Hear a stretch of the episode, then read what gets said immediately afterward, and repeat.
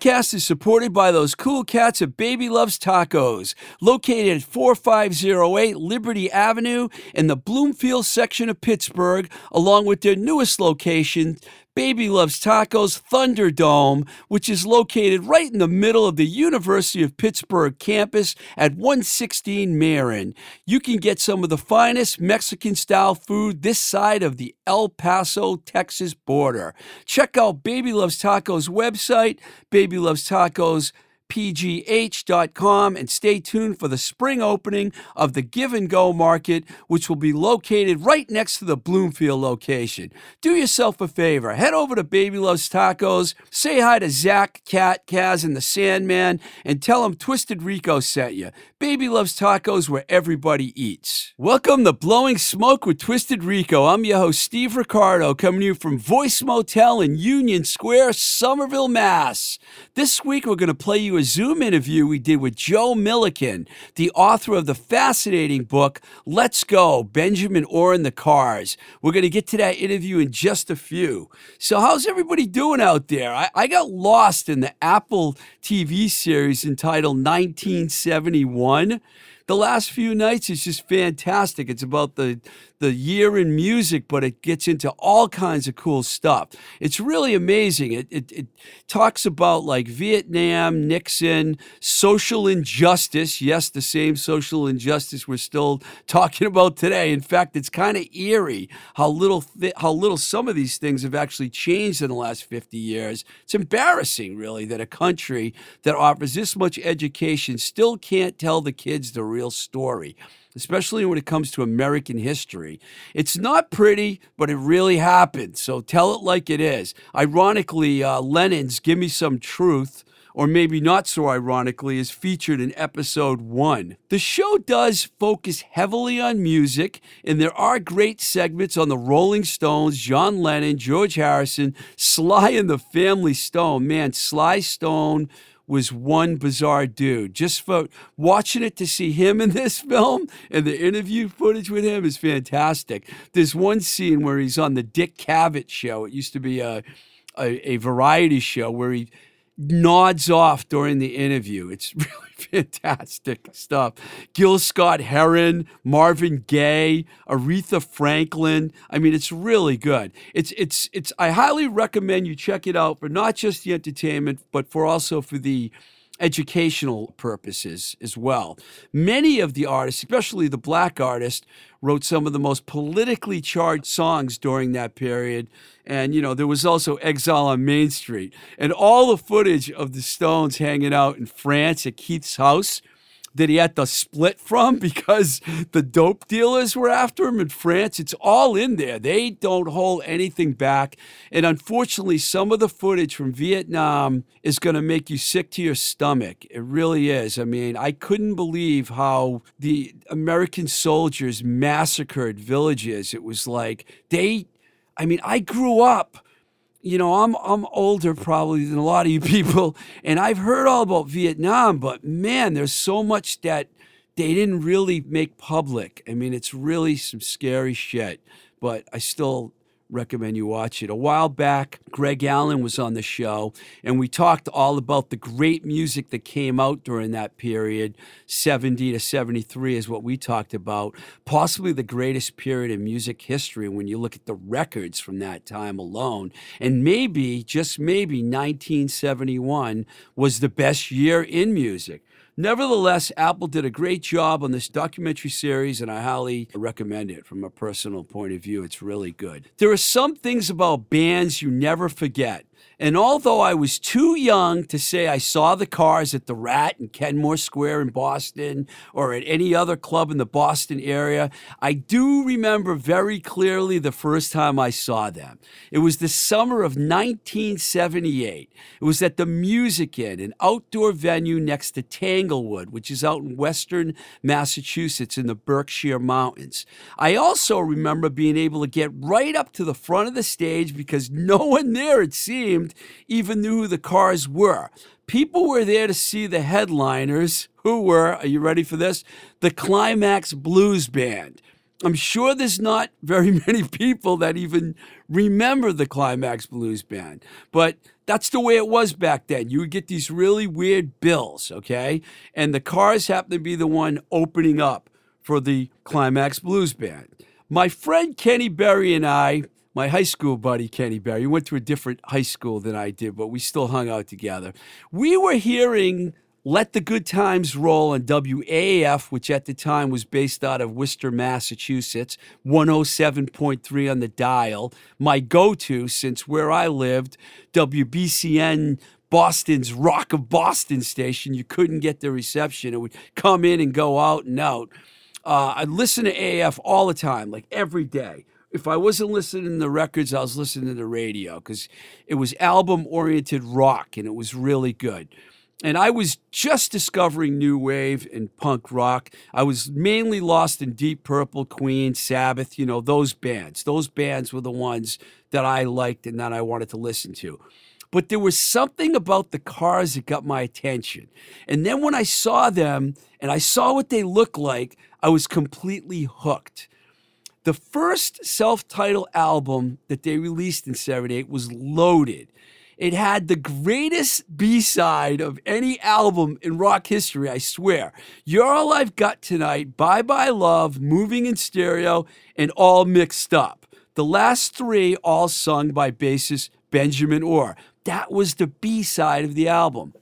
I mean, I love the hit song, Just What I Needed, and it was also sung by Ben, by the way. And I love all the songs that Ric Ocasek sang, which incidentally, he wrote all the songs. But Ben Orr had something special about him. Don't get me wrong, the whole band did. They had a great image and great music. But it was Ben. For some reason, I thought Ben was like the cool one in the band, and he always caught my attention. It only got better after that first record for the band. There was Candy O and Panorama and Shake It Up, Heartbreak City, which contained the song Drive, which is probably the song that Ben Orr's most remembered for singing. And they finally got into the Rock and Roll Hall of Fame in Cleveland, Ohio, is where it is, Benjamin Orr's hometown. But unfortunately, Ben was no longer alive to be there to experience it. So, Joe Milliken's book is not really the story of the cars. You know, although the band is in the book a lot for obvious reason, it's the story of Benjamin Orr. And are you ready for this? He was in 12 bands before he was even in the cars, and he formed the cars with Rick. 12 bands. That's how long Ben was around. It was a lifelong dedication to being a rock star, and Ben was just that in every sense of the word. Joe did an amazing job in this book, and I highly recommend it. Okay, now you get to listen to my interview with Joe that we did on Zoom. It's all about Ben Orr and his book, Let's Go, Benjamin Orr and the Cars. How you doing, Joe? I'm doing good, Steve. It's fine. I'm glad that we finally got to uh, got to hook up and, and talk a little bit. I know it's been a while, but I really appreciate your patience and uh, it's really good to be with you.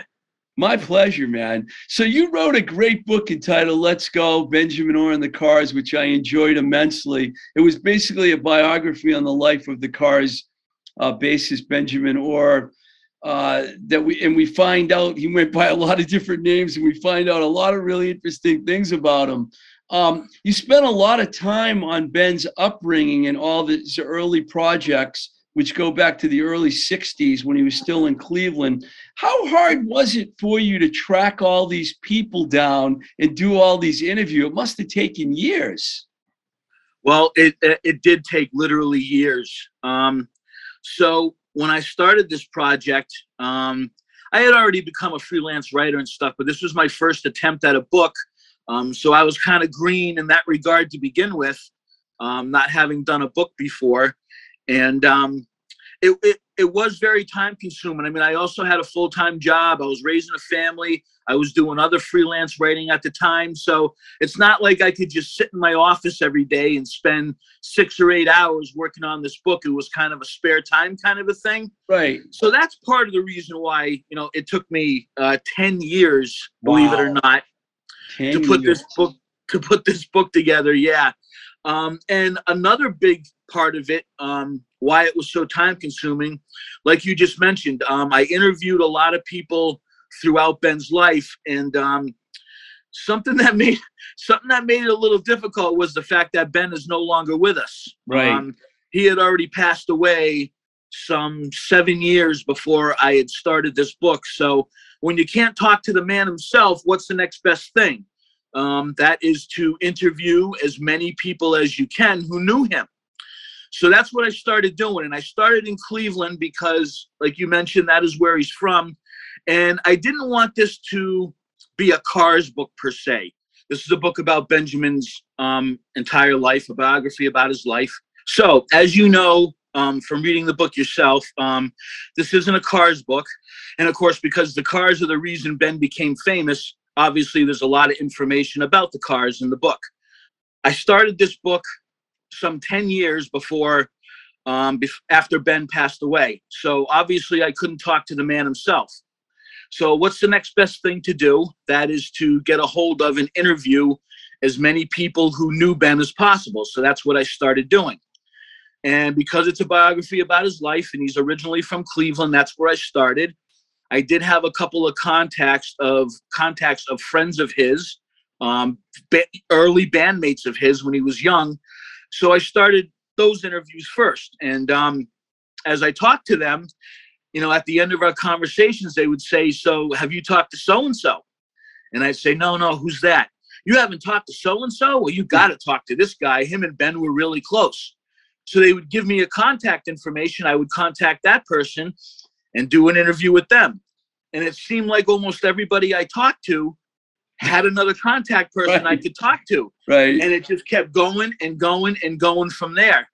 And um, so throughout this process, I ended up talking to over 120 people Wow. who knew Ben, who knew Ben throughout his life, um, from when he was a little kid, right through school, um, when he met Rick, decided to go to Boston. Of course, a lot of people when he was famous, and I've even talked to people after the cars were done, and Ben stopped doing music for a while. Uh, He uh, sold his house in um, Boston and moved to Vermont.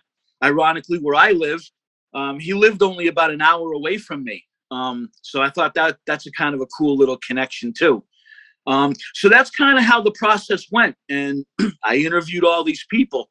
Um, another catch in all this was um, you probably got the feel while reading the book that Ben was a very private guy. Yeah. He wasn't a guy who like seek the spotlight. Um, when he was in the spotlight, he was very comfortable, but it wasn't exactly something that he wanted to have happen. Um, so because of this, as I contacted some of these people, um, they were, let's say, a little apprehensive about talking to me. You know, who's this hole in the wall music journalist Vermont from Vermont wanting to talk about my buddy Ben, who, like I just said, was a very private guy. Um, some people were were eager to talk to me. You know, they were excited that I was doing this project and and happy that I was, you know, telling Ben's story. So it didn't happen every time, but there were also a lot of people who were very apprehensive at first. So I had to uh, I had to gain the trust of a lot of these people. So that was some time consuming stuff too. And um, a lot of my, very few of my interviews were in person, um, you know, unless they were in Vermont or close to me. Um, a lot of my interviews were by phone, by email. And one other thing that happened was even when I talked some of these people into, or so even when some of these people agreed to talk to me, um, they wanted to know exactly what I was putting in the book from them. Right. So I would do an email interview with someone, for example, and I would email some them some questions. And a few days later, or a week later, or whenever, they'd send me responses back. So I would take their responses, I would work the paragraphs into the manuscript, and then I would cut and paste that little section of the manuscript where they talked to me, and I would email it back to them so they could look at it. Uh, And then a few days would go by and they'd come, you know, email me back and did I really say that? No, no, no, I don't want to say it this way. And I'd go back and forth with them until we got their section of the manuscript just the way they wanted it. So some of my interviews literally took months to do. Yeah, Um, it was thankfully, I quite the don't get- process. yeah, thankfully, I don't get a lot of guests that want to review my interview after I do it. uh, getting back to what I said before about the names, uh, you reference a lot of different monikers that people had for him, like Benny, Benny 11 letters, my favorite, Ben, and as most cars know him as Benjamin. Were you surprised that all these people had all these different names for him? I was, and you know, I was actually a little worried if, about how that might confuse the reader, depending on how I how I did things. But um, so but what I tried to do is I tried to say stay true to what people were saying to me. So the Benny 11 letters was a nickname for when he was a kid because Or is short for Orzechowski. Yeah. Which is a long 11 letter Polish name. Sure and is. People, and people had trouble remembering his name. Um, so that's why they started calling him Benny 11 letters. But that was only like people just when he was young before he met Rick and moved on and did other things. Obviously, that name kind of that nickname kind of went by the wayside um, as he went to Boston and stuff. So I would try to stay true to what each individual person was saying to me. So whatever they called him, whether it be Benny 11 letters or Benny or Ben, that's what I put into the manuscript. So I tried to keep it, you know, in that order, if you will. Right. Um, eventually, it was Ric Ocasek who uh, Ben met and played with in a couple of Ohio bands, one of which was ID Nirvana.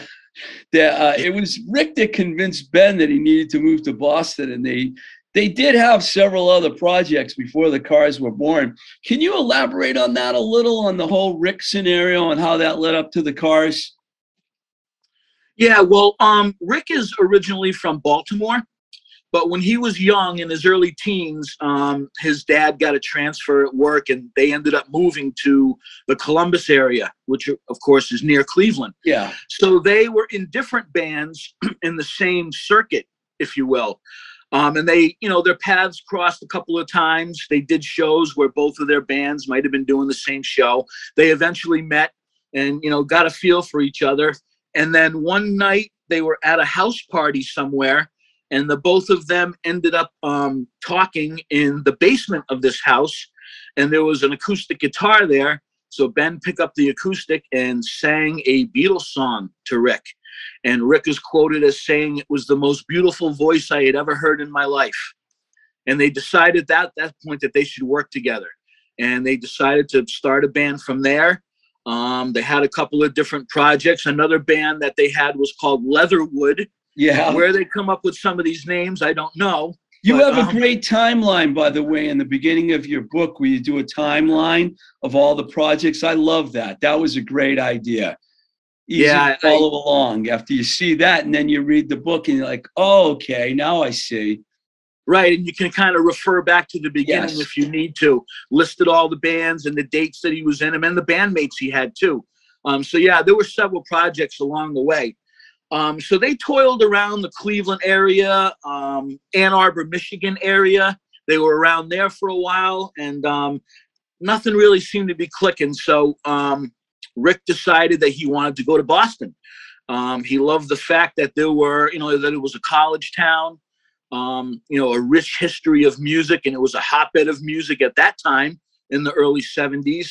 Um, so he decided he wanted to go to Boston, but um, Ben didn't wasn't really keen on the idea at first. I mean, they had already been toiling around on the road, you know, poor, um, and and Ben had also just lost his dad, so he decided that he was going to stay behind in Cleveland, stay with his mom for a while to make sure that she was going to be okay. And Rick went on to Boston. Uh, but Rick kept on reaching out to Ben the whole time, saying, "You got to come. You got to come to Boston. You're going to love it here. You know, we got to do something in Boston." Um, so the time frame is a little foggy, but I think it might have been around a year or so. Um, and then Ben finally decided to go to Boston. So Ben went to Boston, and uh, they they started doing the same thing there. They started out as an acoustic duo. Yeah. And they just called themselves, well, and um, they call it, Rick's last name, real last name is Otcasek. So he sort of changed his name a little bit and they went by Ocasek and Orr as a as a duo. And they played, you know, coffee houses and stuff. Because at the time in the early 70s, you know, there was a little span of time there where um, acoustic music was really big. Oh yeah, in the yeah. Early '70s, so they yeah. uh, they tried to jump on that bandwagon. Um, they ended up doing one album. um, as but it turned into a band thing, um, and they did an album called Milkwood. Um, right. Another name. I'm like, really? Where'd that come from? um, so they did that album, um, and it did nothing. Um, ended up in the bin and uh, didn't really go anywhere. And then that's when Rick said, "Okay, we're going to get rid of the acoustic thing. We're going to become a rock band again." They eventually got the other members of the band together, um, and they were a band called Captain Swing at first. And there's yet another name. Where does that come from? Um, and that was um, they were starting to form their sound of the cars by that point. Um, but Captain Swing, and it's some stuff that I really like. Captain Swing had a little bit more of a, a jazzier kind of Steely Dan feel to them. Right. They were a little more mellow and a little more smooth um, than the more of a you know punchier, rockier, new wave kind of sound that the Cars Yeah. eventually became. And a couple of the songs that they did in their Captain Swing repertoire ended up carrying over into the Cars. A couple Bye of bye songs. love. Bye bye love was one of them, right? Yeah. Yeah, Bye Bye Love was the big one, and Bye Bye Love actually got a little bit of um, a little bit of radio play, um, thanks to Maxine Sartori over at WBCN. Yeah. Um, she saw she went to a club one night, saw the um, Captain Swing band, really liked them, um, became friends with the guys in the band, and obviously she was very influential and a huge, you Yeah. know, Yes. uh, radio presence over at WBCN. She put Cap'n Swing on the radio. That kind of gave them some momentum. And then from there, they sort of morphed into the cars. Rick threw away all the Cap'n Swing songs except for a couple, holed himself away in his little cottage house, and sat down and wrote all the songs that ended up on that first album. How this epiphany happened for him, I do not know, but obviously, uh, Cars fans around the world are happy that he did because as you know, it's turned out to be one of the great classic rock debut albums ever. And and you know the band ended up working with the legendary producer uh, Roy Thomas Baker, who produced many Queen records, and that ended up being a, a good, an important combo for the band because they stuck with Roy for four albums before moving on to Mutt Lange. Uh, the early days when they started with Roy Thomas Baker, you talk about that a little bit. That was a really interesting combination right there. Yeah, as a matter of fact, at first, um, so Roy Thomas Baker was actually recommended to them by Elektra Records. Right. Or recommended is probably a good way to say it. Yeah, this man Queen- is going Queen was on. Yeah, because Queen was on the same label. Yeah, it makes sense. You know. Right, right. So they they told the band this is who's going to produce you, and actually, um, the guys in the band were a little apprehensive at first because, um, although they you know recognized Roy Thomas Baker's talent, um, they weren't sure if it was going to be a very good fit because Queen is a lot different than Much the Cars. different. Yes. Yeah, so they weren't too sure about it at the beginning, but it didn't take long before the band realized that this is the guy for us, and um, Yeah. The they first. ended up having a good a good relationship for a few years. Yeah, that first record. All four of those records are great, but the first one is probably one of the greatest debut albums of all all time. Easy. It seems even though Ben had a better voice and was the eye candy of the band, he didn't seem very bothered about taking a secondary role uh, behind Rick. I know Rick wrote all the songs, but wh- what's your feeling about that? I mean, he took that secondary role always. He did, and um, you know, like I, I mentioned at the beginning of the interview, that Ben um, Ben was a guy that didn't really seek the spotlight. Um, and that kind of played a part in this whole thing. Um, like you just said, you know, Rick sort of became the leader of the band, if you will, and like you Yes. said, the main songwriter. Um, and and Ben Ben didn't really have a problem with that. Um, a common thread that I learned throughout all the interviews I did with all these people who knew him, he was always kind of that way. Always very calm, very quiet, very reserved. I also noticed, like I look, I listened to and see a couple of interviews with the band after they became famous, and Ben didn't really say much. No. Um, he just kind of stayed in the background. I mean, if he was asked an individual question, obviously he'd respond to it, um, but he never really needed the spotlight. And jumping ahead a little bit, um, even after when the cars ended, um, he actually like backed out of music for a couple of years. Yeah. You know, they had been on the road for so many years. I'm sure he just wanted He to take needed a a break, break. too. Yeah. Yeah. But he he was okay with that. And um so him and Rick had a very good marriage within that band. Um Ben sort of understood where his place was when it was his turn to step out and do one of those amazing vocals. He did, and then he stepped back. I mean, another thing, um, Ben had never played the bass before the Cars. Ben was Ben started as a drummer when he was 13 years old. He was a drummer first. Then um, his first, you know, bigger band, if you will, was a band in Cleveland called the Grasshoppers Yeah. and um, he stepped out and became the guitar player or one of the guitar players in that band so ben you know when by the time the cars came around it was sort of like hey we need a bass player ben and oh let me also mention that during captain swing before the cars ben did not play bass in captain swing either. He was essentially the front man. He stood out front with a microphone and sang. I'm not sure what he did when he wasn't singing a song but he didn't even play bass at all until the cars formed. And they said ben we need a bass player. So he stepped right in and took over bass. And then because that's mostly how everybody knows him as is a bass player um, so all of those factors kind of show you that ben was ben just wanted to be one of the guys in the band you know for as amazing as an overall musician he was and well-rounded as you mentioned he was you know such a good looking guy um, he could have very easily stepped out and been the front man of the band but he was happy where he was. He was content. He knew that he could step out into the spotlight when it was his turn to sing "Let's Go" or one of the or "Drive" or one of the other hits that he sang. And when it wasn't his turn to sing, he stepped back and played bass and was perfectly content with that. For for someone who never saw the uh, the band live, uh, you I'm talking about, you were obviously an enormous fan. I got to see the band several times. The first time was in 1978 at the Music Inn in Western Ah. Massachusetts at a club at a venue next to Tanglewood. It was an outdoor venue. They opened for the Climax Blues Band. The reason I heard about the band was AAF, WAF. I grew up in the Worcester area. Was Yep. playing "Let the Good Times Roll" like, like it was on the radio all the time. So, me and my friend, we were like really young teenagers. We we went to the show. Uh, I, I it blows my mind that I feel almost bad that you never saw the band live. I really do. I didn't. I didn't want to interrupt you when you started saying that, but I immediately what pops into my head. Well, thanks for reminding me, Steve. And man, I'm jealous. you know what hurts me even more? I had mentioned to you that when Ben, when the cars broke up and Ben moved to Vermont, he was only an hour from me, and he actually eventually started doing a couple little solo shows. I honestly can't tell you. I mean, because I mean, I'm probably a little younger than you, but when they were in their heydays in the in the mid '80s and stuff, I mean, I was in high school and in college.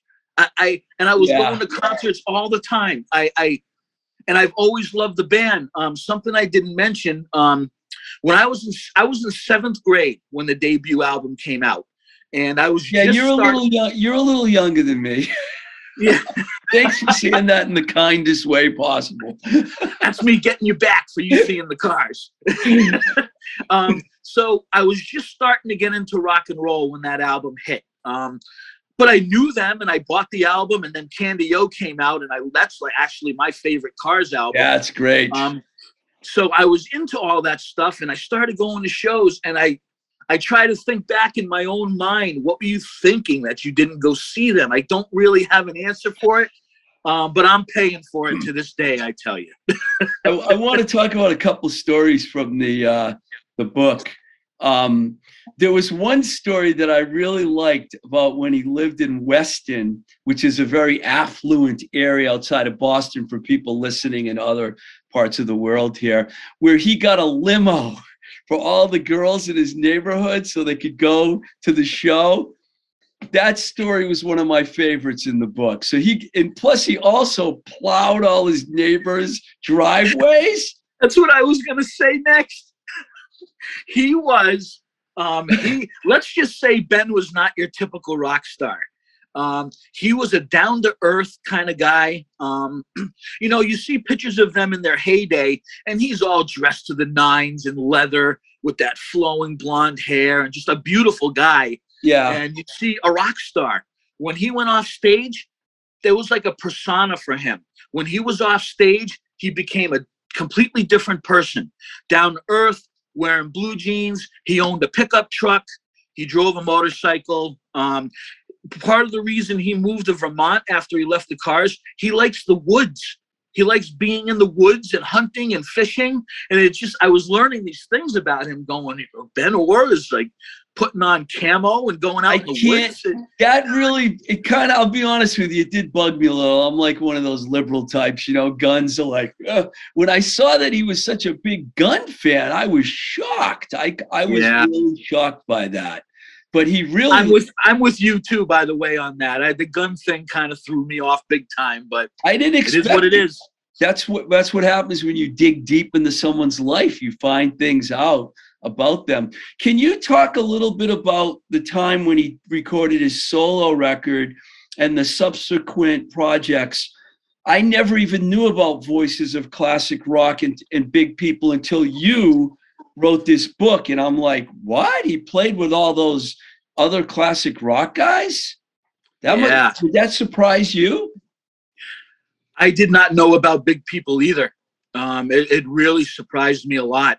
And you know, um, it's too bad because um, from what I've heard, and if you just think about, you know, the other guys that were in the band with him, I mean, these are already famous individuals. Yeah. You know, I mean, Jeff Carlisi from 38 Special, um, Liberty DeVito from Billy Joel's band. Derek Uh, St. Holmes was in one of them too, I believe. Yeah. Derek Yeah. St. Holmes was in that band. I mean, uh, Pat Travers was in that band yeah. for a little while. Um, so yeah, when the um, when he did his solo album, he really had no intention. Because I know how I just talked to you about how he was a reserved kind of guy, didn't want the spotlight. So that doesn't exactly go hand in hand with doing a solo record. Um, but he was actually approached by the by Elektra Records to do that, and he said, "Eh, why not? Might as well." Um, and how that came about was so he was with um, his girlfriend at the time. Her name was Diane Page. Um, they were together for eight or nine years, and um, she was also music. Sorry about that. It's okay. She was also musically inclined, and Ben, for as great as Ben was musically, um, he sort of had a not trouble with, but lyrics wasn't necessarily his thing. Which also worked well with Ric, being you know he didn't have to worry about Ben wanting to write songs and stuff. Ben was more into writing melodies, and when they were putting songs together, he would have musically he would have input, but lyrics wasn't really his thing. right. Um, so when him and Diane decided to do this solo record, it was another good marriage because Ben would write the music and the melodies and stuff, and she handled most of the lyrics. Surprised me too when I read that part. Uh, Yeah, so together they put this album together, and um, it did pretty well. I mean, one of his songs, you know, got to the top forty. Stay the uh, night. it did was- okay. Stay the night. Was that the song? Stay the night. Yeah. Yeah. There was another song called Too Hot to Stop that got Yeah. a little bit of radio play too. Um, so the album did pretty good. um, so when Ben moved to Vermont after the Cars broke up, he actually just pulled right out of music for three or four years. He just took a break, didn't do anything. Then eventually, though, he started getting the itch again and decided that he wanted to, you know, he wasn't interested in, you know, getting a major record deal and album sales and going out on tour and all that. He just wanted to play music again and he wanted to play in front of people again, regardless of the size of the venue. He just loved it and wanted to do it again. So um, he did a little bit of solo stuff. He put a little band together and started doing some shows in my area around in Vermont. I still don't know how I didn't get in on that. Um, thanks for reminding me of all that, by the way. Sorry about that. um, but eventually, um, the guys in Big People actually reached out to him. Um, let me see. It was it was um, Liberty DeVito and uh, the gentleman from 38 Special decided they wanted to try to get a band together. They brought all these guys in, but they still needed a bass player. So they all were like, "Well, who's your favorite bass player? Who's around?" And somehow Ben's name came up. So Jeff Carlisi um, actually reached out to um, Elliot Easton to get Ric's uh, to get Ben's contact information. He reached out to Ben, said, Here's what we're doing. What do you got going on? You want to come hang out with us? Ben said, Sure, I'll hang out with you. Ben flew down to Atlanta. They all got together and decided to have Ben join the band. A great story about that.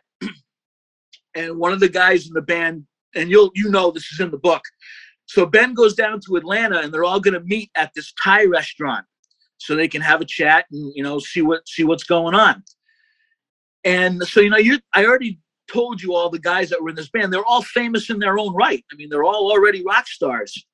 And they described it to me as like when Ben walked in the room, they were like all in awe of him. Yeah. Oh my God, there he is. There's Ben. So you have all these already famous musicians who are like in awe of Ben. And and that was a common theme through some, through a bunch of the interviews I did. They everyone said like Ben had just this aura about him. Yeah. Like if you walked into a room or a party or something with him, heads turned. Uh, one guy I interviewed said they were walking through an airport together, and as they walked down the, the aisleway, every head turning. Even people who didn't even really know who he was, there was something about him. He just had this aura about him that just turned heads. Yeah. We. So I just thought it was funny that all these famous musicians are like, "Hey, there's Ben. Hey, Ben's gonna be in our band." And sure enough, um, they were gonna. They started doing shows. They started booking concerts. They were opening for Styx and they were doing a few festivals, and they were starting to build momentum. But they didn't have their own songs yet. So what they did was they did a few songs from each one of the bands that they had already been in. So they did a couple 38 special songs. Yeah. They did a couple Billy Joel songs. Um, Derek St. Holmes did a couple of Nugent songs where he was the singer, and then they obviously they did a couple car songs. So after about a year or so, they were just getting to the point where okay, this is going to work. Let's start writing some original material, and let's see if we can get a record deal. And I talked to their manager, and he said there was no doubt in his mind that those guys were going to get a record deal and, and take off. And unfortunately, that's when Ben was diagnosed with cancer and he was gone pretty quick. I mean, about a year or so when he was Yeah. gone. And the final thing I'll say about Big People is, and this shows you how much of a rock star was, they kind of tried to carry on without him after he was gone, and very quickly they they said this isn't going to work. Ben, they said Ben was the rock star of the band, Yeah. and even though they probably could have found a replacement, found a way to keep going, because like I said, they're all famous musicians in their own right. They felt it wasn't right without Ben, and Big People Yeah. stopped. You Pretty know, sad. Yeah, he died when he was only 53 years old from uh, pancreatic cancer. Uh, what followed was an outpouring of love and admiration, and your book falls into that category. It's a great tribute to a unique man who spent his entire life pursuing his rock and roll dream. I'm talking about his entire life. Uh, one last thing I want to ask you, Joe. Uh, is Sure. there anything that you felt afterwards that you left out of the book that you wish you had it? or do you feel like you covered all like i didn't want to get too deep into the books i want people to read it you know but is there something you think you left out like did something hit you afterwards or do you feel like you covered all the bases I think since the book came out, there have been a couple instances where I've heard something or learned something and thought, ah, I wish I could have fit that in. And a specific thing isn't popping up in my head right now, but there have been a couple of times where I heard something um, where I went, ah, I didn't know that. I wish I had gotten that in there. But something I will tell you is so I had mentioned how I interviewed over a hundred people for this book. right So the what got left out was the fact that after this book came out, and as you know, I you know try to do a lot of grassroots promotion on my own.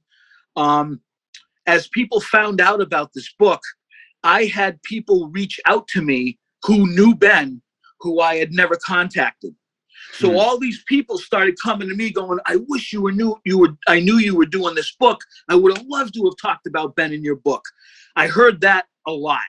So i even believe though it it was beyond my control, you know, it's weird. Um, while I was in the middle of doing this book, uh, you just have no idea how many people a rock star knows. It's Yeah. Unbelievable. I'm, I'm telling you, Steve, I could have I could have kept doing interviews till the cows came home. Uh, it would have never stopped.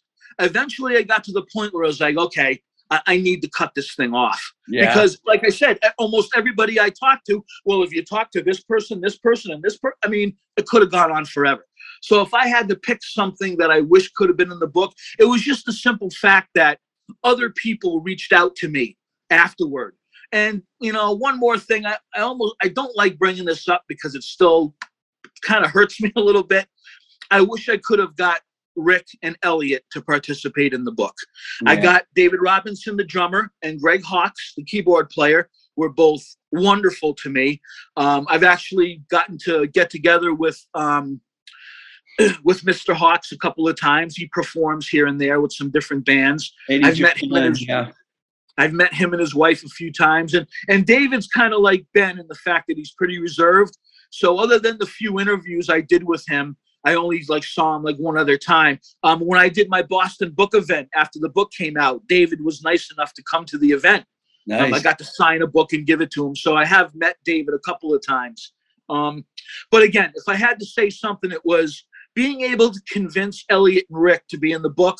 And then, like I said, these people that came out of the woodwork to me and said, How come you never contacted me? Well, I'm sorry. There was like, you. I'll add you to the list because, like I said, the amount of people a rock star knows, it just blew my mind. So that's kind of what I wish I could have added to the book, I guess. Well, I loved your book, Joe. And I obviously, we've been talking about doing this for a while, so I'm glad it finally happened. I want to thank you. You did a fantastic job. I learned so much about Benjamin Orr that I didn't know, and this book is the reason why. So thanks a lot. And I recommend to all our listeners that you get this book because if you're a Cars fan, it's a must read. Well, I appreciate you having me and your patience with uh, getting hooked up with me. Um, just to let people know, um, so I, if people are interested in the book, um, I have a Facebook page that's dedicated solely to the book, so people can go to that Facebook page, and it's just the title of the book. Let's go, Benjamin Orr on the cars. And I post a lot of things in there, um, some photos that didn't make it into the book, and some other things, so people can go there. I also have a website for the book where people can go and learn a little bit more about it, and you can order it from there if you want. And it's real simple. It's just benorrbook.com. That's So awesome. those are a couple places people can go if they want to take a look and see what it's all about. And um, so there you go. Thanks a lot, Joe. I appreciate you coming on, man. Steve, I really appreciate you taking the time to set this up. And um, it's been a labor of love. I mean, if I go back to the beginning of the start of this book, 2007 is when I started this. So the last thing I want to say is I never imagined how incredible of a journey this was going to be. I mean, the one more thing I'll add was um, when the Cars got inducted into the Rock and Roll Hall of Fame in 2018 Beautiful. it was it was like two months or a few months before my I had a book deal, but it wasn't out yet. I went to Cleveland. I was there that weekend. Um, the day before the ceremony, they have a media day at the Rock Hall at the Hall of Fame itself. I went to media day. I went up and down Radio Row and got to do interviews um, about the book. I went to the ceremony when the cars got inducted. Um, it's it's heartbreaking that Ben couldn't be there wow. but his son his son was there representing him so i was at the 2018 and talk about coming full circle he's only the second native clevelander to be inducted into the hall of fame only the second one so you talk about someone coming full circle and making music his life that was ben i What a way appreciate your time steve it's been really great talking to you Thanks a lot, Joe. Okay, that was great. It was, I was, I, Joe and I have been trying to get together for a while, but with the pandemic and him living up in Vermont, and originally he was going to come down here, do the interview here, but we couldn't get together. So finally we figured out let's just do it on Zoom, and I'm glad we did. The Cars are absolutely one of my favorite bands and definitely top five when it comes to Boston bands. I'm not going to tell you my top five right now. Let me just say that the Cars are like right near the top, probably the top band on my list, you know. Stick around because we're going to end the show with a fantastic track from the band Avoid One Thing, and you don't want to miss that. So if you enjoy listening to this podcast, please consider supporting us on our Patreon page, which is patreon.com forward slash twisted rico or at anchor.fm forward slash blowing smoke tr. Uh, some people have asked me if they can make a donation directly to me rather than being a, monthly supporter. Yeah, if you want to do that, just contact me at twistedrico at gmail.com. I'm not going to say no to that because it costs money to do the show and I want to keep it going. So just contact me. Same address for music, twistedrico at gmail.com. Uh, you can also check us out on Instagram at Blowing Smoke with TR or at Twisted Rico or on Twitter at Blowing Smoke BS. And of course, we have that great YouTube page, which has a lot of exclusive videos. In fact, I just posted the video, the Zoom video of Mike Gitter and myself. Mike was on the show last week, and I posted the Zoom interview separately. So you might want to check that out. You can see our pretty faces. That's that's really exaggerating right there by saying we have pretty faces. So um Thank you to Mike Nash for recording us, Baby Loves Tacos for supporting us, and to all you folks for taking the time to listen.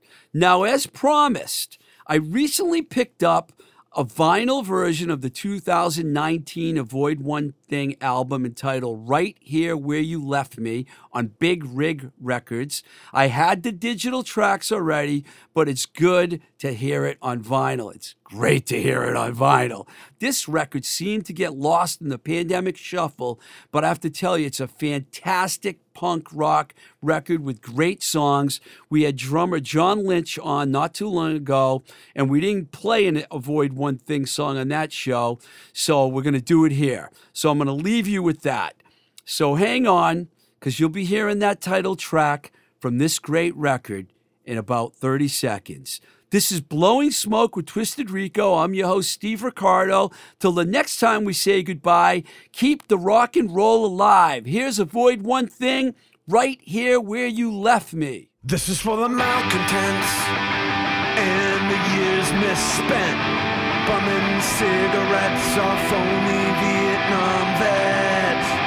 Jamie and Elizabeth, with all the school couldn't chip in on the 99 cent breakfast.